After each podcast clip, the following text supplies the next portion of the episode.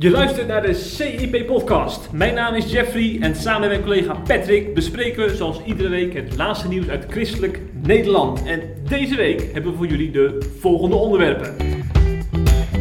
Christenen wijzen op hypocriete actie bol.com. Gaat de gereformeerde gemeente meer dan drie studenten toelaten deze week? Turkse president Erdogan verandert kerk in moskee. Predikanten delen brandbrief over eenzijdige coronamaatregelen. En Christian Verwoerd ontmaskert de antichrist. Zo.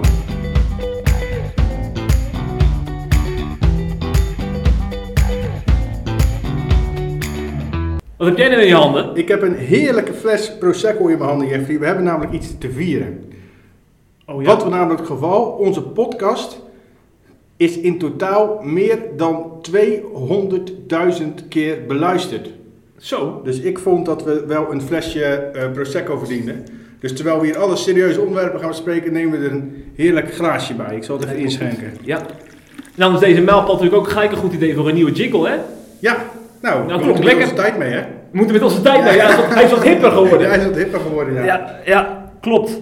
En eh, de onderwerpen hoeven we ook niet meer eh, te bespreken, want die zaten ook bij de jingle. Ja, Dus dat scheelt alweer. En we hebben natuurlijk eh, een hoofdonderwerp, hè? dat is bol.com eh, deze week. ja. Gaan we uitgebreid op in. Je hebt zelfs nog een column aangeweid. ik heb er een column over geschreven, ja. Maar we beginnen niet voordat we hebben geluisterd naar de ergernis van de week.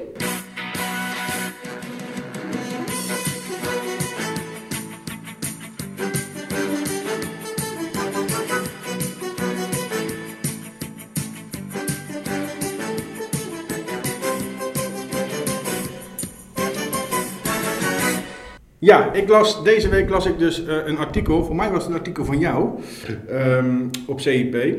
En dat ging over een brandbrief die door predikanten gedeeld werd. Die ga jij eh, zo meteen nog uitgebreid bespreken. Ja. Eh, mijn ergernis was overigens niet die brandbrief. Het is namelijk even heel kort. Het is een brandbrief van heel veel artsen en zorgprofessionals die zich zorgen maken over de coronamaatregelen. En die, die, die vragen zich daarbij af of ehm, de maatregelen niet nog meer schade veroorzaken dan het virus zelf. Ga je zo nog verder bespreken. Ehm, het werd ook door predikanten gedeeld. En mijn ergernis zit hierin. Waar zijn diezelfde predikanten voor dat gezin in Middelburg, wat we vorige week besproken hebben, het Turkse gezin, die, die dreigen te worden uitgezet naar Turkije, christenen, terwijl ze vanuit daar gewoon bedreigd worden, dus die lopen daar echt gevaar. Ik vind dat het veel te stil blijft. Er is geen brandbrief. Eh, waarom staan nu alle christenen niet op het Malieveld? Schijnbaar gaan ze er alleen heen als ze leuk willen zingen en lofprijzen, wat heel mooi is overigens en indrukwekkend. Maar ik zou zeggen, ga er nu staan met z'n allen. Ehm, Waarom verenigen alle, gaan alle kerken en predikanten niet samenwerken om dit te voorkomen? Waar zijn de christelijke partijen? Heb ik ook nog helemaal niks over gehoord, over dit specifieke geval. Ik zou echt willen dat hier veel en veel meer aandacht voor komt. En dat de, ook de christenen, die zich normaal altijd heel druk maken over, over eh, de vluchtelingen op Lesbos trouwens, hè? Eh, de Rico Voorbergen van deze wereld, ook weinig van gehoord. Dus ik zou zeggen, laat nu juist je stem horen, want dat heeft dit gezin heel hard nodig. En ik heb besloten om dat elke week in de podcast te blijven herhalen totdat er iets gebeurt. En ik ga er uiteraard zelf ook hard mijn best voor doen. Zo, daar hou ik je aan, Patrick. mag je me aan houden. Voor de oplettende luisteraar, er is maar één ergernis deze week. Er kom, ik heb mij de hele week verwonderd over Ja. alles. Ja, jij bent, natuurlijk, jij bent natuurlijk weer positief, hè? Ja, positieve mooi boy. Vreselijk. Ja, ja. Maar volgende week ga ik me vast weer ergeren, want het is natuurlijk nog wel een beetje komkommertijd. Hè? Ik weet niet of jou Ja. dat is opgevallen, maar Ja. ik vind het hier en daar nog wel een beetje stil. Vandaar de Prosecco. Vandaar de Prosecco. Eh, waar het geen komkommertijd is, is op het hoofdkantoor van bol.com. Want Nee. eh, daar zijn ze bij de communicatie heel druk geweest de Ja. afgelopen weken. Ja, en ik vermoed bij de Impact Service ook, hoor. Met de Impact Service ook. Ja. Zullen we anders eerst even naar de CEO van de bol.com luisteren? Ja, dat is goed. Bol.com verkoopt vanaf eind september niet langer producten met Zwarte Piet erop. Volgens de webwinkel hebben klanten laten weten het vervelend te vinden dat deze artikelen nog worden verkocht. Bol.com valt onder Ahold, dus onder jou, Wouter. Eh, geen Zwarte Piet meer. Is dit een besluit die uit jouw koker komt? Ehm, eh, nou, kijk, wat er gebeurt is eh, binnen onze merken in Nederland en in België hebben we eigenlijk elk jaar de discussie over hoe gaan we om met Zwarte Piet. Want Dit is niet een nieuw eh, topic. We zijn afgelopen jaar hebben we het eigenlijk elk jaar aangepast. Dus we bewegen eigenlijk van Zwarte Piet naar gewoon Piet. Hij wordt moderner, hij is anders. Uh, dat, zo informeren we ook onze leveranciers. Wat je ziet in de coronacrisis is dat we bij Bol ontzettend veel nieuwe ondernemers hebben gekregen die via Bol hun spullen verkopen. Er zitten ook uh, uh, buitenlanders tussen, Belgen en uit andere landen. Die weten niet precies hoe het werkt met Zwarte Piet. Dus we hebben denk ik zo twee, drie maanden geleden zeg maar, nieuwe instructies gegeven. Mm. Zo ga je om met Zwarte Piet, zo behandel je het. Die instructies zijn vandaag toevallig naar buiten gekomen. Dat doen we eigenlijk elk jaar. Dan ja. even een update. En dan stellen we scherp, want we willen niet dat er ja, eh, zeg maar, traditionele ouderwetse pieten eh, zeg maar, eh, gewoon ja. boven komen. Daar zijn we inmiddels wel voorbij met z'n allen. Dus, Nou, hij, hij ligt er dus zeg maar het nieuwsbericht toe, hè, wat we nu gaan bespreken. Ja. Hij zat bij Eva Jinek, ook weer begonnen, de, onze favoriete talkshow. Nou. Jij niet enthousiast? Nee, ik ben niet zo... Oké. Nee, ze is niet zo objectief, hè? Nee, maar dat zijn ze bij de NPO niet altijd. Helemaal niet als het om Amerika, eh, op Amerika aankomt. Hm, hm. Oh, NPO's is dit helemaal niet bij de NPO. Het is commercieel geworden. Nee, ja. ja. ze is naar de commerciële gegaan. Hè. Meer geld, minder objectiviteit, prima. Wat me trouwens wel opvalt, Patrick, normaal gesproken op Twitter, dan maak je best wel druk over politiek correcte items hè, in, de, in de media. Ik heb je hier nauwelijks over gehoord. Nee, dat komt omdat ik uh, uh, vind uh, dat een bedrijf het recht heeft om zelf keuzes te maken. Ja. Alleen, uh, en daarom heb ik ook een column geschreven uiteraard, um, heb ik dan weer het recht om daar iets van te vinden. En ik vind bol.com behoorlijk boek Ik heb hem overigens wel een beetje op Twitter laten horen hoor, dat heb jij denk ik gemist. Zal wel zijn geweest. Je zou me wel weer op de heer hebben gezegd. Kijk, want wat ik net zeg, laat ik vooropstellen, ik vind dat een bedrijf het volste recht heeft uh, om Zwarte Piet in de band te doen. Een, een commercieel bedrijf hè, wat niet, niet, niets met de overheid te maken heeft. Dat is één. Ze mogen zelf een koers bepalen, ze mogen zelf bepalen wat ze in het assortiment hebben. Geen probleem. Maar ik vind de argumentatie van Bob.com vind ik hypocriet. Ze willen namelijk, zeggen ze, ze geven als reden dat ze alles met Zwarte Piet gaan bannen, uh, dat ze willen dat iedereen zich welkom voelt. Maar er zijn tal van antisemitische boeken in het assortiment. Er zijn er al een paar verwijderd inmiddels, na, nadat Sidi uh, uh, zich heel hard voor heeft gemaakt. Volgens mij zelfs een rechtszaak, maar dat weet ik niet zeker. Of gedreigd met de rechtszaak. Maar wat doe je met antisemitische boeken? Boeken waar het antisemitisme gewoon gepromoot wordt. Boeken Gebeurt dat? Zeker wel, zeker wel. Waar gedachtegoed, antisemitisch gedachtegoed oh. in, in, in, gepromoot wordt. Ja, zeker wel. Dat is één. Ten tweede zijn er tal van antichristelijke boeken. We, hoeven, we hebben één voorbeeld te geven. Hè, dat, dat bekende stripboek Jezus Christus was een meisje. Waar destijds uh, van de supermarkt uh, Dirk van, der Broek... Uh, die hebben er toen offline gehaald, de actie trouwens, nadat er veel consternatie over ontstond. Bol.com heeft het vervolgens in het assortiment gehouden. Daarna is, uh, is er een petitie opgestart vanuit Citizen Go, hè, die vaker dergelijke petities opstarten. Um, toen hebben ze tijdelijk uh, offline gehaald, maar dat is nu gewoon weer te zien. Dus dat is een voorbeeld van een anti-christelijk boek. Uh, er zijn anti-islam boeken te vinden bij bol.com. Er zijn zelfs, en dat vind ik in het geval van bol.com nog het meest verwonderlijke, boeken te vinden die anti-LHGBT zijn. Hm. Uh, overigens zag ik nu dat ze die inmiddels verwijderd hebben. Dat was een boek over het genezen van. dus dat zal waarschijnlijk van een christelijke Amerikaan vandaan komen, vermoed ik. Ik heb er verder niet heel veel in verdiept. Maar die is inmiddels wel verwijderd. Ook. Dus, uh, dus ze bekijken elk geval. Ze, ze, zeggen zelf ook, ze zijn heel. Ik vind ze humor wel op Twitter hoor. Uh, zeggen ze, we vinden het prima, want nu gaat iedereen op, al, ons op allerlei producten wijzen die misschien ook niet in, ons assortiment passen. Hoeven we dat zelf niet meer te controleren. en daar, in het verlengde daarvan, over humor gesproken, er waren heel veel mensen die gingen uit protest uh, Zwarte Piet uh, dingen kopen. En daar, daarop zei bol.com, dus je bent het niet eens met ons beleid en als protest ga je bij ons producten kopen. Dat is oh, heel raar. Ja, ja. Maar goed, die, blijven, die dingen blijven dus allemaal in, in, in het assortiment zitten. En schijnbaar um, is het voor die mensen, dus voor christenen, moslims, joden, um, de LHBGT-gemeenschap, is het schijnbaar dus minder belangrijk dat die zich welkom voelen. Hè? Want dat doen ze nu, dat was de argumentatie. Dat vind ik, dat vind ik heel vreemd. Um, ik vind tegelijkertijd, en nu kom ik bij waarom ik me er niet al te veel over heb uitgelaten, dat wij als christenen moeten beseffen dat we in een vrije samenleving wonen. Dat betekent dat je met tegengestelde meningen wordt geconfronteerd en dat het gewoon kan dat jouw geloof en jouw God en jouw religie en jouw levenswijze uh, door andere mensen belachelijk wordt gemaakt. Dat kun je ontlopen als je wil, maar het is natuurlijk niet zo dat iedereen in Nederland zich aan ons en onze normen moet aanpassen als christenen. Um, zo werkt het wat mij betreft niet. Als het goed is, ontwikkel je naarmate je opgroeit in een vrije maatschappij een schild voor dergelijke opmerkingen. Ik heb dat tenminste wel, maar je doet het niet heel veel. Tenzij het iemand is, uh, als jij het zou doen, doet het me wel wat bijvoorbeeld. Um, en als je daar geen echt goed schild voor ontwikkeld hebt, dan ontloop je het. Dan zet je de televisie uit, dan klik je de website weg, dan doe je het boek dicht, dan uh, beëindig je het gesprek met iemand waarmee je aan het praten bent. Die mogelijkheid heb je gewoon. Het is niet zo dat iedereen zich aan jouw levenswijze, jouw God en jouw geloof moet aanpassen, want we hebben een vrije samenleving en zo werkt dat niet. Ik zal daarom ook geen petitie tekenen. Zo'n petitie als van Citizen Go om dat boek te verwijderen, dat zal ik nooit tekenen. Ik maak me niet druk om het feit dat dat boek te koop is. Ik maak me druk om de hypocrisie. Dus dat ze aan de ene kant zeggen, een bepaalde groep mensen, in dit geval is dat, zijn dat natuurlijk zwarte mensen, moeten zich wel, of zwarte mensen die, uh, anders word jij er ook bij, die zwarte Piet racisme vinden, die zich gekwetst voelen. Uh, helemaal los van of dat, uh, wat ik daarvan vind. Hè? Maar van die groep zeggen ze, we willen dat ze zich welkom voelen, dus we verwijderen alles van Zwarte Piet. Maar van de groep christenen die zich gekwetst voelen, moslims, joden, en er zijn vast nog veel meer groepen, daar maken ze zich daar niet druk om. En die hypocrisie, daar maak ik me druk om. Dus niet om het feit zelf dat het boek te koop is. En dat heb ik ook in die, in die column geprobeerd uit te leggen. Um, oh, die column is natuurlijk te lezen op cip.nl. Zeker. Wel Plus, dus even lid worden.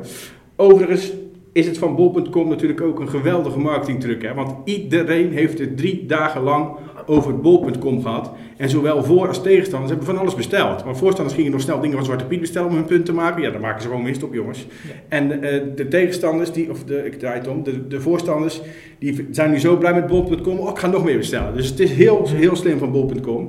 Um, en tot slot wil ik er nog wel over zeggen dat ik een boycott echt onzin vind. Om nu ineens bol.com te gaan boycotten.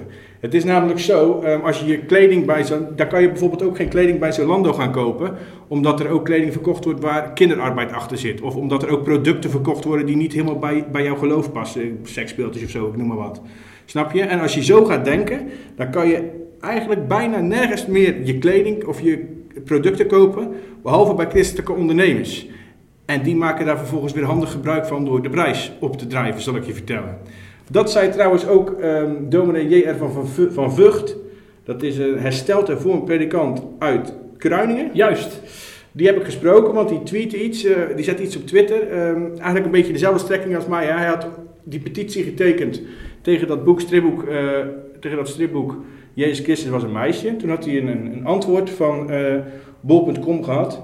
Um, en hij vertelde tegen mij in het interview wat dat antwoord inhield. Hij zei namelijk, en ik quote: De reden dat ze het boek niet uit het assortiment wilden halen, was dat het niet volgens de wet verboden was. Bovendien stelden ze daarnaast dat het niet aan hen was om te bepalen wat goed en fout is en om te selecteren binnen het assortiment. Opvallende reactie toch? Ja, want hij zegt nu geheel terecht: als je deze reactie plakt op wat ze nu gedaan hebben met Zwarte Piet, dat klopt dus niet. Want dat is niet per wet verboden. Dus de wet is ineens niet meer de leidraad, zegt hij. En twee, um, nu zeggen ze ineens wel dat het aan hen is om te bepalen wat goed en fout is en om te selecteren binnen het assortiment. Heb ik ook aangekaart op Twitter tegenover bol.com. Daar gaan ze daar met heel veel, um, daar gaan ze eigenlijk niet inhoudelijk erop in. Zoals ik, zei, zoals ik net al zei, ze reageren met heel veel humor. Aan de ene kant is dat leuk, aan de andere kant is het wel een hele makkelijke manier om alle ja. kritiek te ontlopen. Want ik, um, toen ik dat, dit dus aankaartte, dan kwamen ze met de reactie: ja, uh, kom maar bij ons terug zodra er uh, kinderen uit, huilend uit school komen omdat ze gekwetst worden door dit stripboek. En daarmee doen ze natuurlijk op zwarte kinderen die nu huilend uit school komen in december omdat ze met Zwarte Piet geconfronteerd worden. Ja, vind ik veel te makkelijk. Voor zo'n groot bedrijf, prima dat je zo'n zo'n besluit neemt, is je geheel je eigen keuze. Eén, het is dus hypocriet, vind ik. Twee, wees dan een man en, en leg het goed uit. Zeker vergeleken met die reactie hè, die, die, die dominee van Vught nu aanhaalt. Ja. Dat is gewoon heel hypocriet, vind ik eerlijk gezegd. Overigens is er nog iets wat me opviel, en dan stop ik erover. Um, aan het interview met dominee van Vught. Hij koppelt deze hele ontwikkeling namelijk aan de eindtijd. hebben we natuurlijk al vaker gezien. Hè? Uh, met alle rellen uh, rondom Black Lives Matter. En hij ziet het als een onderdeel van een, een hele brede antichristelijke ontwikkeling in onze maatschappij. En daar zegt hij behoorlijke rake harde woorden over. Hij zei letterlijk: Onze maatschappij zakt weg in bijna satanische toestanden. Zo. Maar dat relativeerde hij wel een beetje. Daar kun je heel somber van worden. Maar de Heer heeft het voorspeld in zijn woord en heeft tegelijkertijd beloofd: Het loopt niet uit de hand. En daar mogen we ons aan vasthouden. Vond ik een mooie, mooie afsluiter. En hij riep ook nog op om vooral bij christelijke ondernemers te kopen. eh, Ja. aan de jongeren. eh, en lokale ondernemers en christelijke ondernemers. Dan Mhm. citeerde hij zelfs nog een stukje uit de brief van Paulus bij die daar schijnbaar toe oproept ergens. En hij eh, zei er gelijk bij, wat ik net al even aankaartte. Ik wil dan tegelijkertijd de christelijke ondernemers oproepen om er geen slaatje uit te slaan en de prijzen op te gaan drijven. Want dat zie je natuurlijk wel gebeuren. Hè? Ja, ja, ja, ja. ja. Dus is een interessant interview, ja. Zeker, zeker. Van Vught is trouwens ook nog een keer in de podcast geweest, hè? Ik, we zijn een keer, Echt? eh, toen gingen we met CIP hadden we een borrel in Berg op Zoom. En toen heb ik een tussenstop in Kruiningen gemaakt voor de Maar podcast. dat heb je mij helemaal. Waarom vertel je dat nu pas? Ja, ik, ik- soms vergeet ik dat soort dingen gewoon. We hebben natuurlijk inmiddels 150 podcasts gemaakt en 200.000 keer beluisterd. Ja, dan. eh, Ja, dat zei ik net ook al. ja, ik dacht, wrijf er nog even in. Ja, dan neem ik nog een slokje. Daarom. Proost. Weer reden om een slokje van ons proseccootje te nemen. Zeg trouwens, er werd natuurlijk ook wat gereageerd op, eh, op het artikel van Van Vught en Ja. in jouw column. Ja. Eh, ik licht er even drie reacties uit die ook behoorlijk eh geliked zijn. Hans van der Zwan zei: Een zwarte bladzijde nu ook bol.com meegaat in het kinderfeest laten verdwijnen. Sinterklaas werd al met een Klan vergeleken. Niets is meer heilig. En wie wel heilig is, Jezus, wordt bespot verkocht door onder andere, onder andere bol.com. Niet meer bij bol.com kopen is mijn advies. 12 likes had deze man niet mee. Ehm, Wim Leeflang, die heeft nog meer likes, 26 maar liefst. Hij zei: Ik denk ook te constateren dat onze westerse samenleving steeds verder van onze heiland verwijderd raakt. De oproep in de laatste alinea is denk ik heel erg belangrijk. Dus eh, van dominee van Vught. Hè? Steun lokaal, maar zeker ook broeders en zusters. Daarbij is vertrouwen een kernbegrip. Laat ons beseffen dat we altijd en overal verant- verantwoording aan onze heiland moeten en mogen afleggen. Ja. En dan hebben we ook nog Henk de Ruiter, die werd het meest gelijk. 61 mensen waren het met hem eens. Wanneer leren we eindelijk dat we hier vreemdeling zijn en dat de wereld onder de macht van de duisternis is? Er is maar één taak voor ons hier in deze wereld. De mensen bewegen zich met God te verzoenen door het verzoenen bloed van onze Heer Jezus Christus. Ben jij verrast dat dit soort dingen gebeuren in Nederland? Die ga ik ook nog even liken, die laatste. Jij bent het met Ja, deze ben ik man- helemaal mee eens. Henk eens. Ja. Je moet ons ook al, vooral niet te druk maken. Hè. Je moet je niet als kleinzerige, aanstellerige snowflakes gaan gedragen. Die alles en iedereen, wat ik net al zei. Je moet, gewoon om, je moet ermee om kunnen gaan met, met spotting en kritiek. Kan je dat niet, dat prima. Dan negeer je het. Ja. Maar niet gaan eisen op hoge poten dat alles aan, aan jouw normen wordt aangepast. Dat, dat kan niet. Je slachtofferrol is dat ook. Ja, hè? ja. Dat past ons Dat, dat, niet. nee, dat past christen niet.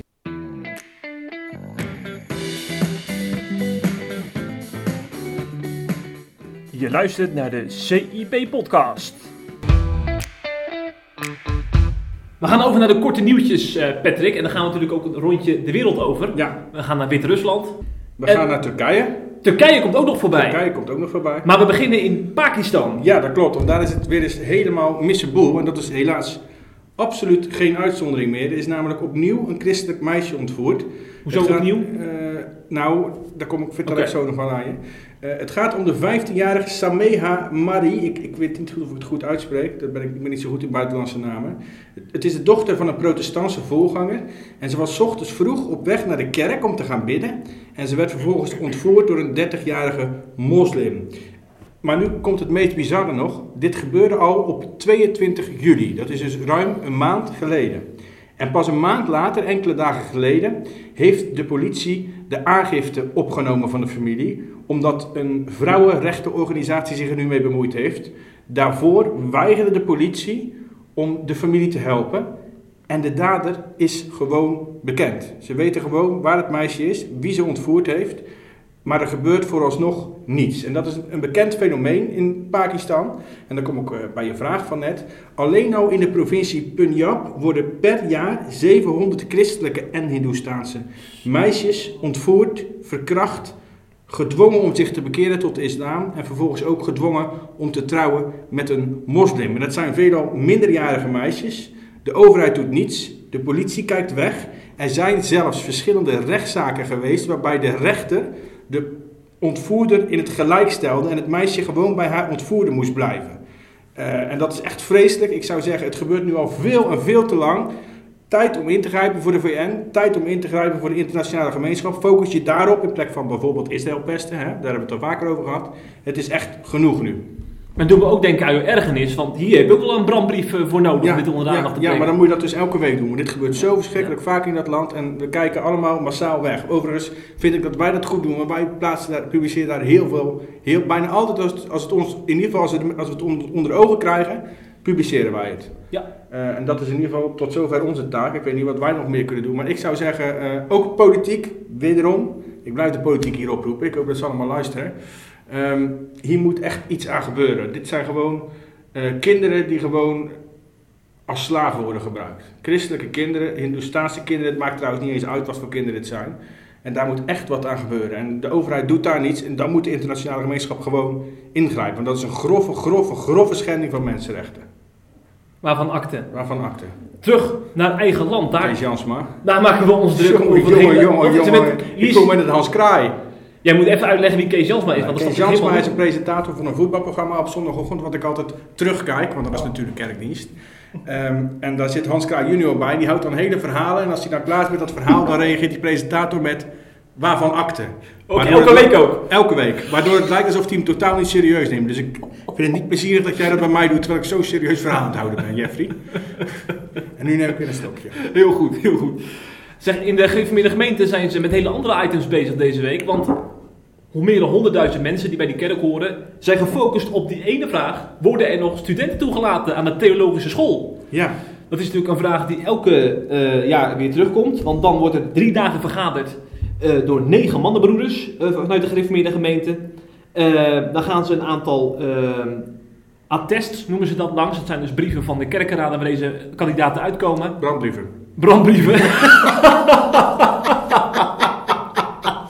die, die worden dan bekeken en beoordeeld. Ja. En aan het eind van zo'n gesprek ja, weet de kandidaat dan of hij mag studeren, ja of nee, aan de theologische school. Of hij geroepen is om dominee te worden. Dat is Ja. natuurlijk de kernvraag. ja. Eh, En dat beoordelen die, die, die negen mensen dan. ja, onder leiding van de Heilige Geest. Dat moet ik natuurlijk wel Ja. even erbij zeggen. Ja. Want dat, ze, ze bidden heel veel rondom, ook die Mhm. vergaderingen bewust. Mhm. Omdat ze geloven dat eh, uiteindelijk God is die deze mensen roept. En dat ze niet, ze kiezen ook niet op basis van gaven en talenten. Hè. Ze willen echt vanuit roeping willen ze dit beoordelen. Maar dat maakt het zo lastig, ook als, voor ons journalisten. Ga jij maar eens eventjes eh, hier kritisch over schrijven. Want wij kunnen de leiding van de Heilige Geest niet nagaan natuurlijk. Nee, nee, dat is moeilijk, ja. Ja, ja en dat, in- dat ze het niet op basis van talenten en gaven doen, vind ik overigens wel terecht. In de Bijbel zie je dat God, dat, dat God eh, regelmatig eh, mensen roept die juist niks kunnen. Maar de, als je niks kan, dan kan God je geschikt maken. Ja. God kan beter werken met een onbeschreven blad, zeg maar. Met iemand die, die, eh, dan iemand die al heel goed van zichzelf is, bij wijze van. Hè, dat Mhm. het meegekregen als talent en spreekgaven. Ja. Dat zie je Mozes bijvoorbeeld. Hè. Mhm. Een goed voorbeeld. Paulus was ook niet heel erg geschikt. Er zijn al, dus dat is wel heel bijbels. Maar ja, de vraag is natuurlijk of ze zo streng moeten zijn. Ja, ja. Dominee Scheunen, lid van die eh, toelating, toelatingscommissie, die zei het Mhm. als volgt. Het gaat erom dat we persoonlijk leiding van de Heer in diens leven horen en of hij van Gods wegen geroepen is. Dat vind ik altijd van die hele mooie dominee-citaten, die wil ik toch eventjes genoemd hebben. Eh, dit is natuurlijk een heet hangijzer, omdat er een predikantentekort is hè, in de gereformeerde gemeente. Er zijn eh, 150 kerken in Nederland. 87 zitten zonder eigen dominee. Dat is bijna 60 procent, dat is gewoon de meerderheid. Ja. En dan hebben we het ook nog niet eens over de vergrijzing. 63 gemeentepredikanten zijn gemiddeld ehm 55,7 jaar. Dat zijn dus alle predikanten in Nederland. Ja. En vier van die predikanten 70 jaar of ouder. Ja, en dan, als je dan bijvoorbeeld maar één student toelaat deze week, dan ga je dat tekort natuurlijk niet opvangen. Nee. Inmiddels weten we, we maken deze podcast op dinsdag. Gisteren is er één student toegelaten uit Elspet, Ja. hè, een Ah. ouderling. Daar drinken we op. Zo komt die fles wel leeg. Ja, met, met dit tempo wel, ja. Ja. ja. Dinsdag en woensdag wordt er ook nog vergaderd, dus we Ja. hopen nog meer eh, eh, blij nieuws te kunnen verwachten. Mhm. Eh, wie dat ook hoopt is André van Putten. Hij is lid van de gereformeerde gemeente in Kampen. Regelmatig ook op CIP Ja. te vinden, want hij is Goeie heel stukken. kritisch. Hele goede stukken schrijft hij. Heel kritisch op het beleid in de gereformeerde gemeente. En wel zelf gereformeerde gemeente. Ja, ja, dan maakt de kritiek juist zo sterk Ja, natuurlijk. vind ik ook. Ja. En ook niet weggaan dan. Dat vind ik ook heel sterk. Mhm. Ja. Dat is de makkelijkste weg, hè? Weggaan dan als je het ergens niet mee eens bent. En hij vraagt zich al jaren af hoe kunnen we hier nou eh, verandering in brengen. Hè? Dat er eindelijk eh, ja, deze manier van werken eh, verandert. En zijn voorstel was om iedereen die zich aanmeldt te laten studeren en pas daarna te beslissen over toelating. Ehm, ja, dominee Scheuder is het hier dan niet mee eens. In het Nederlands Dagblad werd geïnterviewd hierover. Maar het, het zou misschien wel een idee zijn. Hè? Ik bedoel, ja, Je kan ook bijvoorbeeld een theologische studie doen en vervolgens in het onderwijs of eh, in, in, op ander werkgebied eh, daar heel erg veel profijt van hebben. Waarom zou, je dat, waarom zou je die opleiding moeten koppelen aan een predikantschap van tevoren al? Nee, je bedoelt dat je eerst geroepen moet worden en dan pas de opleiding mag gaan volgen. Ja, wat nu het Ja, geval is. Meer zoals in de PKN bijvoorbeeld is. Ja, Ja, Ja. maar die hebben, ja, ja en de, C- ik weet niet, de CGK is het ook zo, denk ik, hè? Dan kan Ja, je ook gewoon in zeker. Apeldoorn naar de, naar de, en dan daarna nog be- beslissen waar je ermee doet, hè? Ja. En dan, dan kan je tijdens je studie, kan je dan eh, voorkomen, noem ik het Hm. maar, hoe heet dat nou? eh, voor, de, voor de commissieverschijning ja, bedoel je. ja, maar dat heet, ja, dat heeft een naam ook, hoor. Het curatorium. Curatorium, Ja, ja, ja. Ja. ja, Nou, we kunnen dit idee wel eens bespreken in een interview, eh, misschien met een van de hoofdrolspelers. Ik ben bang dat ze ons niet zo serieus nemen. Nee, nee, en ook dat ze over dit onderwerp juist niet willen spreken. Ze Nee. spreken toch wel liever over een boekje bijvoorbeeld. Die Of ze helemaal niet even met ons willen spreken. Ja, ja, ja. Want er Ik- wordt zelfs vanaf de kant zo gewaarschuwd tegen ons, hoor ik. Oh, de betrouwbare bron ook? Een betrouwbare bron. Oei, oei, oei, oei. Ehm, Tom van der Schans, die ken jij die? Scriba van de gereformeerde gemeente in Bodegraven. Al 17,5 jaar op zoek naar een eigen dominee. dat is, dat is eh, met mijn grote vriend eh, meneer Nieuwenhuis. Oh, die woont Die daar. woont daar, ja. Ja, in die kerk daar natuurlijk dan Een ook. van de fijnste mensen die ik ooit ontmoet heb. Ja. Nou, in zijn kerk eh, is Tom van der Schans de scriba. En zijn quote in het ND, die wil ik jullie niet onthouden. Die is te geweldig voor woorden. Hij zegt... Als er iemand wordt toegelaten in onze kerk, is dat vergelijkbaar met Ajax dat een doelpunt maakt. Het wordt 600 keer doorgeappt.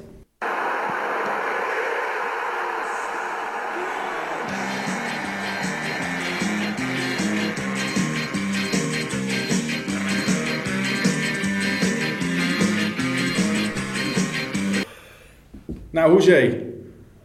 Hoezee! Ik juich niet hoor, als Ajax een doelpunt maakt, maar zeggen. Nee, nee, dat ga jij niet doen. Ik stort de raden en ik scheur mijn klederen. Je mag trouwens helemaal niet juichen in het stadion in deze tijden van corona. Nee, mag sowieso niet juichen. Dan Want? breekt het veld open en dan zie je de hel voor je. Dat doet me denken aan Dominic Kort. Ja, precies. Ja. Eh, gaan we weer de wereld over, eh, Patrick? We waren net in Pakistan. We Ja. gaan dichter bij huis. Ja, we gaan nu naar Turkije namelijk. Ja, want daar heeft eh, Turkije recent heel veel in het nieuws geweest, hè, omdat ehm, eh, Erdogan eh, besloot dat om de voormalig kathedraal Hagia Sophia om te bouwen tot moskee. En daar blijft het niet bij, want de Turkse president heeft nu opnieuw opdracht gegeven om een kerk om te gaan bouwen tot een islamitisch gebedshuis. En het gaat om de Chora-kerk of Gora-kerk, ik weet wederom niet hoe je het uitspreekt. Ehm, UNESCO en de buurtlanden van Turkije geven aan dat het absoluut geen verstandige keuze is. En het wordt door de Griekse orthodoxe kerk, eh, dat, dat, die, daar behoorde die, de- dat gebouw toe, hè, ehm, een provocatie tegen alle gelovigen genoemd. Het is eigenlijk, een- heel veel overeenkomsten zijn er met Hagia Sophia. Het was eerst een, eh, een kerk, oorspronkelijk gebouwd als kerk. Toen is het eh, omgebouwd tot moskee. Ehm, toen is het weer eigenlijk in oorspronkelijke staat hersteld en als museum ingericht. Het was bij de Hagia Sophia ook, dus bij deze ook. En ook bij deze heeft Erdogan gezegd, dit gaan we ombouwen tot een islamitisch gebedshuis. Nou, het begint er eigenlijk meer en meer op te lijken dat, dat Erdogan alles wat christelijk is uit wil bannen uit zijn land. Eh, dat is een bewuste strategie, denk ik. En het moet iedere christen in zowel Turkije als Europa als de hele wereld alarmeren. Want dat kan leiden, of dat gaat leiden, zou ik je zeggen, tot hele gevaarlijke toestanden. Maar dat vindt het IND in ons prachtige land natuurlijk niet. Want, zoals ik net al zei, dat gezin uit Middelburg, een christelijk gezin, wordt gewoon uitgezet naar Turkije. En de IND heeft beoordeeld dat het land niet gevaarlijk is. Walgelijk. Ik, ik denk dat trouwens dat sowieso christenen onderschatten wat er in Turkije gebeurt. Hè? Want Ja. Turkije was ooit zeg maar, toch wel een voorbeeld ook voor Europa. Nieuwe, democ- nieuwe democratie, Ja. secularisatie, dat Ja. daar eh, behoorlijk was doorgedrongen de afgelopen eeuwen. Maar het gaat helemaal terug, hè? helemaal de weg terug. Hè? Ja. Ja, het wordt echt een, een, een, nou ik zou bijna zeggen een islamitische kruistocht. Eh, dus Turkije is absoluut niet, ook al wordt dat in de reisgidsjes nog steeds zo gebracht, het mooie land met de, met de parelwitte stranden waar je goedkoop in een all-inclusive hotel kan zitten. Dat kan overigens nog steeds hoor. Eh, maar ik zou het niet willen spekken. Nee, daarom ging ik vorig jaar ook naar Gambia. Precies. Dat is een heel mooi land trouwens. Zeker weten. Prachtig. Zonder dat we het weten hebben wij een hele mooie verdeling tussen binnen- en buitenland. Hè? Jij eh, Ja. bent het buitenland een beetje aan het doornemen. Ja, en Ik ga jullie weer terughalen naar binnenland. dat is heel onbewust. Ja, Ja, ja. mooi hoor. Want in eigen land eh, wonen onder andere Sebastian van Wessem, Martin Visser en Peter van der Weer. Nou, Nederlandse krijg je het niet, zou ik zeggen, met deze namen. Zo, nou, zeg dat. En eh, deze drie voorgangers, ehm, uit verschillende kerken. Die hebben, zonder dat ze het denk ik van elkaar wisten, hebben ze op Facebook en Twitter hebben ze een brandbrief gedeeld van 800 artsen en meer dan 1000 zorgprofessionals die daar in de noodklok luiden over de coronamaatregelen. Ehm, waarom is het zo opvallend? Daar hebben we daar op CIP een bericht aan gewijd. Eh, deze artsen en zorgprofessionals zijn uitermate kritisch op het overheidsbeleid. Ja. En ik kan me nog herinneren, er was een tijd met name in eh, maart, april. Ja, dan was het echt not dan om kritisch te zijn op de maatregelen van Hugo de Jonge en premier Rutte. Want je moest gewoon volgen. Ja, Ook van het christelijke principe Ja. werd het aangemoedigd. hè, De overheid gehoorzamen hoorde je dan bijvoorbeeld. het andere geluid horen we steeds meer, hè? Dat hoor je nu steeds Ja. meer. We hebben het al eerder in de podcast gehad over 40 christenen die met spandoeken protesteerden in Arnhem. Dat waren eigenlijk niet echt vooraanstaande mensen. Dat waren toch vooral wat, eh, wat eh, bijvoorbeeld huisvaders. Virus, waanzin, gekkies. Ja, nou ja, dat, dat, dat, zou een samenvatting kunnen zijn. Ik weet dat ik een beetje doorsla, maar dat is mijn rol, hè? Nou, dat is wel interessant, want het verschil is nu dus dat er wel echt prominente, weldenkende mensen met een theologische opleiding Henk-Jan Prosman. zo'n geluid laten horen. Dominee Oh ja, Prosman deze week nog met een column. Maar Ja. ga verder met jou, want eh, daar gaat jouw vrouw uiteraard niet over.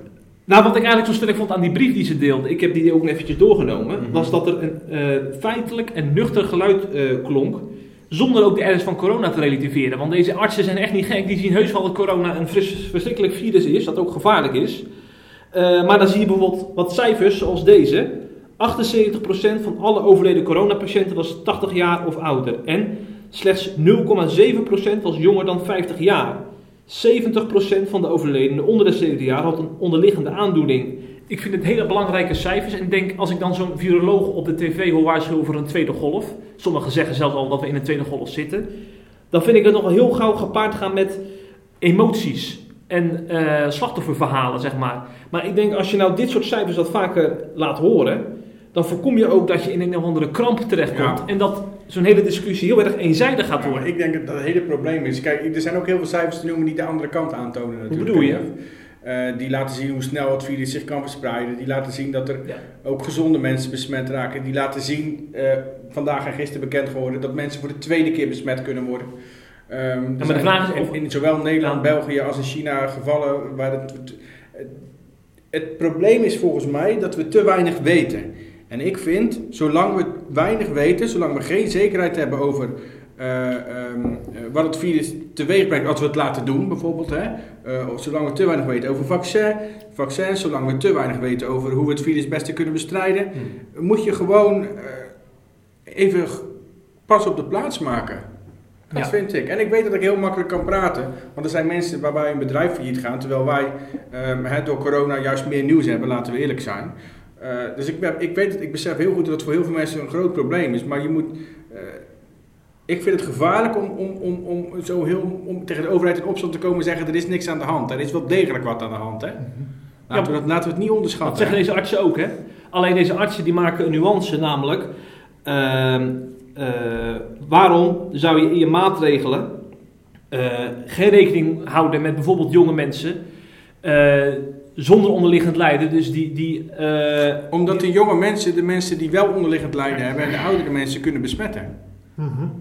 En anders eh, krijg je, ik hoor steeds meer de gedachte, weet je wat, we laten het maar, heel grof gezegd, ik zeg het nu heel ruim hè, we laten het maar een beetje doen, dat virus, en dan, dan sterft het zwakke geslacht, eh, gaat dan uit en dan kunnen we daarna door. Dat zullen ze niet zo letterlijk zeggen, maar dat hoor ik wel tussen de regels door bij veel mensen. Weet je wie dat ook deed? Hitler. Zo, Ja. dat was mijn godwin van vandaag. ja, ja, die wil je toch af en toe even... Maar het is wel zo, het is wel echt zo. Ja. Het zwakke moet eruit, het sterke kan doorgaan. Hm. Survival of the fittest, dat hoort bij de natuur. Maar ik vind dat je die mensen wel moet beschermen. Het gaat ook over jouw oma, het gaat ook over mijn oma. Het gaat ook over jouw gehandicapte broertje of mijn eh, gehandicapte zusje. Voor de duidelijkheid, die hebben we niet, maar dat was even hypothetisch. Ja. Ja. Dus ik vind dat je die degelijk moet beschermen. En ik wil graag, eh, en nogmaals, ik besef heel goed dat ik niet failliet ga daardoor. Maar ik wil graag ehm, wat opofferen, eh, zodat mijn oma nog een paar jaren langer kan leven. Of, of mensen die kwetsbaar zijn. Ja, ja. Zo sta ik erin. Ja. Links, hè? Nou, maar goed, deze artsen zijn het blijkbaar niet met jou eens, want zij zeggen dat de coronamaatregelen eh, zelfs schadelijk zijn. Eh, bescherming in de vorm van de huidige maatregelen is voor de meeste mensen onnodig en kan zelfs tot gezondheidsschade leiden. Aangezien het afweersysteem een dynamisch stelsel is dat nabijheid en lichamelijke interactie nodig heeft. Ja, dat zijn allemaal medische termen, dus ik ga er maar verder niet inhoudelijk op in. Sociale distantie en overdreven persoonlijke beschermingsmaatregelen tasten het afweersysteem aan en zullen leiden tot een lagere weerstand. En zo gaat het nog een tijdje door. Ja, ik, ik, eerlijk, ik ben geen professional, hè, dus ik snap ook heel weinig van zo'n brief verder. Jij citeert gewoon, uh, ja, duidelijk. Maar ik denk dat wel, als blijkbaar 800 artsen en 1000 zorgprofessionals uh, dit zeggen, dan, dan moet het toch wel serieus genomen worden. En dit geluid hoor ik dan, zie ik dan in een brief voorbij komen, maar ik zie niet aan de talkshowtafels. Ik, ik uh, zie ook niet nee, Hugo de Jonge die dit serieus nee, neemt. Nee, maar, kijk, talkshowtafel, talkshows worden geregistreerd door de overheid natuurlijk. Hè. We, niet, niet direct, maar wel indirect. Dus die volgen altijd de lijn van de overheid. Die zullen niet snel uh, dergelijke mensen aan het woord laten. Wat ik wel heel raar vind hoor, zeker bij zo'n RTL-talkshow, zo'n commerciële zender. Kijk, zo'n NPO is nog wat anders, want die worden, dat, je kunnen zeggen dat het wel zo is, maar dat is gewoon een publieke omroep die van belastinggeld betaald wordt, dus die worden altijd gestuurd. Um, maar zo'n uh, RTL-talkshow van Jinek, daar zou ik toch denken, nodigt even die artsen uit. Ja. He? Heeft Gorm ondertekend trouwens? Onze arts Gorm? Nou, onze arts. die stond er niet onder. Nee, nee maar die, die, die, die, komt de andere lijn. Hè? Ja, die is hier niet mee eens, denk nee, ik. Nee, daarom vraag ik het ook. Nee, nee, nee, nee, nee. Die zit meer aan mijn kant, wat ik net zei, vermoed ik. Ja, ja. Maar ik denk ook juist, want ik zie nou ook een beetje zeg maar, een tegenbeweging uh, van christenen die ook een beetje met die complottheorieën meegaan en ook anti-overheid aan het worden zijn. Die kun je juist een beetje in je kamp krijgen door dit soort geluiden van artsen niet te veel onder de tapijt te vegen. Ik denk juist door ze serieus te nemen, kun je die groep die nu heel kritisch is, ja kun je ook een signaal afgeven, zeg maar. dan gaan ze niet in rare, in rare, bijna sectarische groepen terechtkomen. Inderdaad. Maar in gewoon nuchtere groepen die wel degelijk kritisch mogen zijn op overheid en overheidsbeleid. Dat ja. bedoel ik. Ja, ja. Ben, ja. Ben, ben, ik het mee eens. Misschien ook uh, leuk om nog eens een keer te bellen hè, met Sebastian van Wessem of uh, Peter van der Weert. Ja, succes. Jij gaat het niet doen. Misschien kan je dan bellen met uh, president Lukashenko. Ja, dat wil ik wel doen hoor. Ik denk dat hij mij wel te, woord wil staan. Want dat is inderdaad het volgende land waar ik naartoe ga. Dat is Wit-Rusland. Um, ik zal even kort, voor de mensen die de situatie niet kennen daar. Um, daar is uh, president Lukashenko is al sinds 1994 aan de macht. Um, hij is recent uh, is hij opnieuw gekozen. Maar sinds die herverkiezing is het enorm onrustig in het land. Er zijn massale protesten en de oppositie beweert dat er is gefraudeerd met de uitslag van de verkiezingen. Hij wordt over het algemeen door de media en door uh, mensen die er iets van weten weggezet als een dictator. Um, ik weet daar persoonlijk te weinig vanaf om daar een eerlijk oordeel over te vellen, moet ik eerlijk zeggen. Um, maar goed, als ik alle kennis hoor, dan lijkt het er inderdaad op dat het wel een behoorlijke dictator is. Um, en nu gaan al die mensen de straat op om te protesteren. En ook de kerken zijn daar nu bij betrokken. Eerder um, berichten wij al dat er kerken in een gezamenlijke oproep um, aan de wereld vroegen om voor het land te bidden. En ik quote: Bid dat de Heere God ons redt van haat en wraak. Waarmee ze doelen op de uh, ordentroepen van de president. Dat zijn nogal rake woorden. Hè? Mm-hmm. Um, en de kerk heeft zich ook, keert zich ook meer en meer tegen het regime van die Lukashenko. Zo heeft de katholieke aartsbisschop van Minsk zich behoorlijk hard uitgesproken. Hij veroordeelde het geweld dat wordt gebruikt door diezelfde ordentroepen. En hij riep op tot de vrijlating van demonstranten die zijn gearresteerd. Want heel veel van de demonstranten zijn gewoon opgepakt. En behoorlijk mishandeld ook trouwens. Daar zijn beelden van. Uh, bovendien gingen meerdere geestelijken uit verschillende kerken, katholieke kerken, protestante kerken, evangelische kerken, um, dat is ook protestant uiteraard, die gingen mee de straat op om mee te protesteren tegen het regime en meer democratie en mensenrechten te eisen. Dat klinkt misschien als een klein nieuwtje, maar dat is echt heel groots nieuws. Want uh, tot nu toe hadden kerken zich, hielden die kerken zich heel erg afzijdig. Want het is natuurlijk eigenlijk al jarenlang uh, is, is dat aan het borrelen. Het, is, explodeert nu, maar het is al jarenlang is het aan het borrelen. Um, maar de kerk heeft zich eigenlijk jarenlang uh, afzijdig gehouden. Althans, de kerken die nu de straat op gaan. Want er is geen eensgezindheid bij de kerken. De orthodoxe kerk van dat land, van Wit-Rusland, die steunt de president volledig. Dat kan je een beetje zien als de volkskerk van Wit-Rusland. Um, die worden ook volgetrokken door de, door de, door de regering. Uh, die krijgen meer rechten dan andere kerken. Uh, maar katholieken en protestanten, wat ik net zei, hielden zich eigenlijk tot nu toe afzijdig. Maar bij deze protesten komen ze eigenlijk steeds meer en steeds openlijker naar buiten als uh, anti-Lukashenko. En als kiezen ze de kant van de oppositie. Nu heeft die Lukashenko, die heeft dat ook in de gaten, die president. En die heeft zich dus in een toespraak rechtstreeks tot de kerken gericht, tot die kerken gericht. En Daar gebruikte hij niet mis te verstaande woorden voor. Hij waarschuwde ze namelijk om niet openlijk partij te kiezen voor de oppositie en voor de beweging die achter de protesten zit. En hij stelde niet te begrijpen dat sommige kanten niet zijn kant kozen en dreigde daarbij zelfs met sancties. Ehm, en ik quote hem: Geestelijken mogen zich niet opwerken, opwerpen als woordvoerder van de oppositie. De staat zal in dit geval zeker niet onverschillig blijven. Nou, dat is natuurlijk gewoon een regelrecht dreigement. Overigens die, zijn die kerken al, worden ze al behoorlijk achtergesteld, wat ik net zei, ten opzichte van die orthodoxe kerk. Um, hebben ze veel minder rechten en worden ze... Ja, het wordt niet als christenvervolging gezien. Christen worden niet vervolgd, zegt Open Doors in dat land. Maar um, nou, ik zou het scharen onder de categorie pesten. Ja, ja. Wat je in Rusland ook een beetje ziet, hè? Bij, bij de, wat niet bij de staatskerk hoort, het, officieel geen staatskerk, maar dat is ook de orthodoxe kerk beetje pesten. Dus een beetje, eh, weet je wel, geen toestemming geven, geen vergunning geven voor een gebouw, uh, uh, geen vergunning geven voor samenkomsten. Zeggen dat, weet je wel, dat is niet echt vervolging, maar pesten. Ja. Wat uiteindelijk, heeft de geschiedenis bewezen, wel degelijk uit kan lopen op vervolging. Mm -hmm. Ja. Dus het is belangrijk dat we voor die christenen op blijven komen, zou ik zeggen. Dus dan wil ik wederom de politiek oproepen om dat goed in de gaten te houden. De christelijke politiek wel te verstaan. Mm -hmm. En hoort het CDA daar ook bij? Daar hoort het CDA ook bij. Want zoals de C van CIP christelijk is, is ook de C van CDA christelijk. Kijk. Ook al ben je het er niet mee eens. Want het is niet mijn partij, maar dit, dit is natuurlijk om, wie ben ik om te bepalen of wie is een lezer om te bepalen, want daar refereer jij aan. Dat de C al dan niet voor christelijk staat of niet, dat bepalen wij wel en dat bepaalt CDA wel.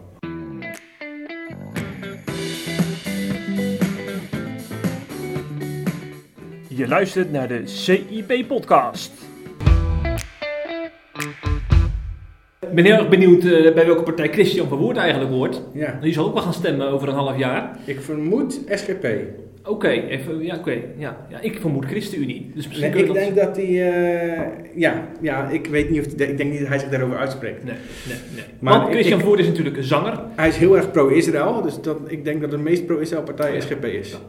Ja. Zeker nu voor het wind weggaat. Hm, hm, hm. We kunnen het dan hem vragen. Uh, ja. We kunnen sowieso uh, met hem doorpraten over de antichrist, want daar heeft hij zich in verdiept. Lukashenko. of Erdogan. Ja. Of, of iemand in Pakistan. We hebben wat kandidaten hier inderdaad. Goeiedag. Nou weg. nou, volgens Christian Verwoerd is de antichrist niet één persoon, maar een machtsblok. dat heeft hij uitgelegd op een, een YouTube-film, zou je kunnen zeggen. Want het gaat een uur lang gaat dat door. Met allerlei fragmenten te zien op de YouTube-pagina van Christian Verwoerd zelf. Dat is eigenlijk wel heel gek, want dan zie je dus allerlei liedjes van Christian Verwoerd op de YouTube-pagina en opeens, ja. opeens een antichrist-item uh, tussendoor. Heeft hij geërfd van zijn vader, hè?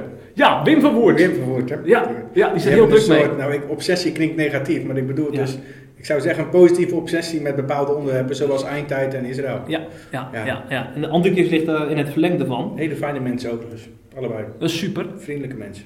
Nou, laten we dan naar de vriendelijke stem van Christian luisteren. Ja. Nou, en dan staat er nog in vers 7: Het beest werd macht gegeven om oorlog te voeren tegen de heiligen en om hen te overwinnen. En hem werd macht gegeven over elke stam, taal en volk. En als we iets verder lezen, dan komen we bij het beest uit de aarde, die de andere, de geestelijke kant van de macht van het pauzon belicht.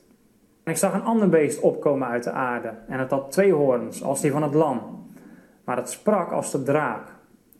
En het oefende al de macht van het eerste beest voor zijn ogen uit. En het maakt dat de aarde en zij die erop wonen, het eerste beest aanbidden, waarvan de dodelijke wond genezen was. We zien hier de twee gezichten van de paus. Hij heeft de horens van het lam, oftewel, hij lijkt in zijn macht op Jezus, maar het spreekt als de draak, de duivel. Wat hij uiteindelijk uitvoert en uitspreekt, komt van de verkeerde kant. Dus het zijn eigenlijk twee gezichten die hij heeft. En dat is vandaag de dag uh, misschien wel meer dan ooit. Ja, dit is maar één fragmentje van een hele lange studie over de antichrist. Wie daar meer over wil weten, moet echt die hele studie gaan, uh, gaan bekijken. Uh, wat mij trouwens het meest opviel nog, is dat het 60.000 keer bekeken is in de afgelopen maanden via YouTube. Ja, ik vind dat veel voor een christelijke artiest hoor, met een, een studie van een uur. ik denk dus dat toch wel stiekem heel veel mensen bezighoudt. Wie is nou die antichrist hè? Die vraag duikt ook vaak op als er bijvoorbeeld een Amerikaanse president eh, op het toneel verschijnt. Is dit het dan? De pauze, hè? De pauze natuurlijk. Ja, daar komt Christian ook mee. Waar Christian op uitkomt uiteindelijk. Uh, dus ik denk dat er ook nog wel wat vervolgartikelen in zitten voor CIP. Ik noem maar een dominee van Koten die zich ook heel erg hierin heeft verdiept. Ja. Dominee der om de Kerk. Wat denk je van dominee van Kampen? Van Kampen, ja, Onze favoriet. die nu in Goes eh, actief Ja. is. Ja. favoriet, ik, dat zeg ik niet hoor. Dat, ik citeer een andere predikant. Overigens, ik vind het wel goed dat wij nu even eh, echte deskundigen eh, aanhalen. Want er zijn theologen en predikanten. Ja. Dat is Christian Verwoerd niet. En dat vind ik toch wel een dingetje hoor. Want je kan toch wel aan zijn verhaal merken dat hij die achtergrond eh, niet heeft. Ik denk dat dat cruciaal is om ook dit soort onderwerpen te behandelen. Want je ziet dan toch, je gaat al gauw dan de Bijbel naast de krant leggen. Wat Christian doet. Of naast Wikipedia bijvoorbeeld. Nou, En- ik denk dat hij wel wat meer onderzoek heeft gedaan in Wikipedia. Ja, maar om. om eh, je, je kan al gauw zeg maar, een raster op de Bijbel leggen. Hè? Wat, wat Christian heeft heel veel achtergrondinformatie verzameld. Maar als je dat vervolgens op een Bijbelse profetie plakt. eh, dat is heel anders dan een dominee van Koten die vanuit zeg maar, al zijn kennis Ja. die hij heeft opgedaan, eh, al die profetieën behandelt. En ik denk dat dat wel cruciaal is. Je moest denken aan een uitspraak van dominee van de Herik. Dat is weer een andere deskundige, zou ik maar zeggen. Hij zei ooit in een interview: Iedere profetie is actueel en, ieder, en op ieder tijdperk toepasbaar. Wie een profetie naar zijn of haar eigen tijd toetrekt, loopt het gevaar de profetie monddood te maken. En daar moeten we toch, toch, toch wel voor waken. Eh, ik denk dat het goed is dat Christian zijn geluid laat horen, maar ook goed is als we nog eens een theoloog eh, hierover gaan raadplegen, hoe Ja. hij erover denkt. Goed, hebben we nog niet vaak gedaan. Origineel, hè? Ja, enorm. Ik stel voor dat we gaan stoppen, Jeff. Ja, dat is een goed idee. Maar niet voordat ik iemand bedankt heb. Ik wil Oh. namelijk Johan Visser bedanken. Ja, want ik vertel je net eh, dat iemand op, op, eh, op Twitter tegen mij zei dat er vanaf de kansel gewaarschuwd werd tegen ons. Hè? Mm. En hij reageerde daar heel aardig op. Volgens mij is het ook een trouwe luisteraar van de podcast. Dus daarom zeg ik het hier even. Door te stellen, dat is vreemd. Want ik ben juist afgelopen zondag SIP Plus lid geworden. Dus Ah, Joël, hartelijk bedankt en veel succes. Hij woont in Utrecht trouwens. serieus? Vlak bij jou. Hij heeft je mij van de week nog een uitnodiging Oh, ja. gestuurd voor een, zangbijeenkomst. Daar wilde hij jou hartelijk voor uitnodigen. Dus ik- nu kan je er niet meer onderuit. dus ik stel voor dat jij komende zondag, of volgende week zondag, samen met je vrouw en de kleine heerlijk gaat zingen in dat park. In de open lucht. In de open lucht. Alle coronamaatregelen worden... eh, eh, in welk park was het? Weet je dat uit je Park? Transwijk. Dan kunnen we er nog even... Ja, Park Transwijk was het. Hè? En het was aankomende zondag, dacht Ja, ik. ja, 30 augustus. 30 augustus, dat is aankomende zondag in Park Transwijk eh, om half elf. Dus iedereen die in Utrecht en omgeving is, woont, ga er vooral heen. Zeker. En als je niet gaat, drink nog een proseccootje. Zo, proost. De groeten. De groeten.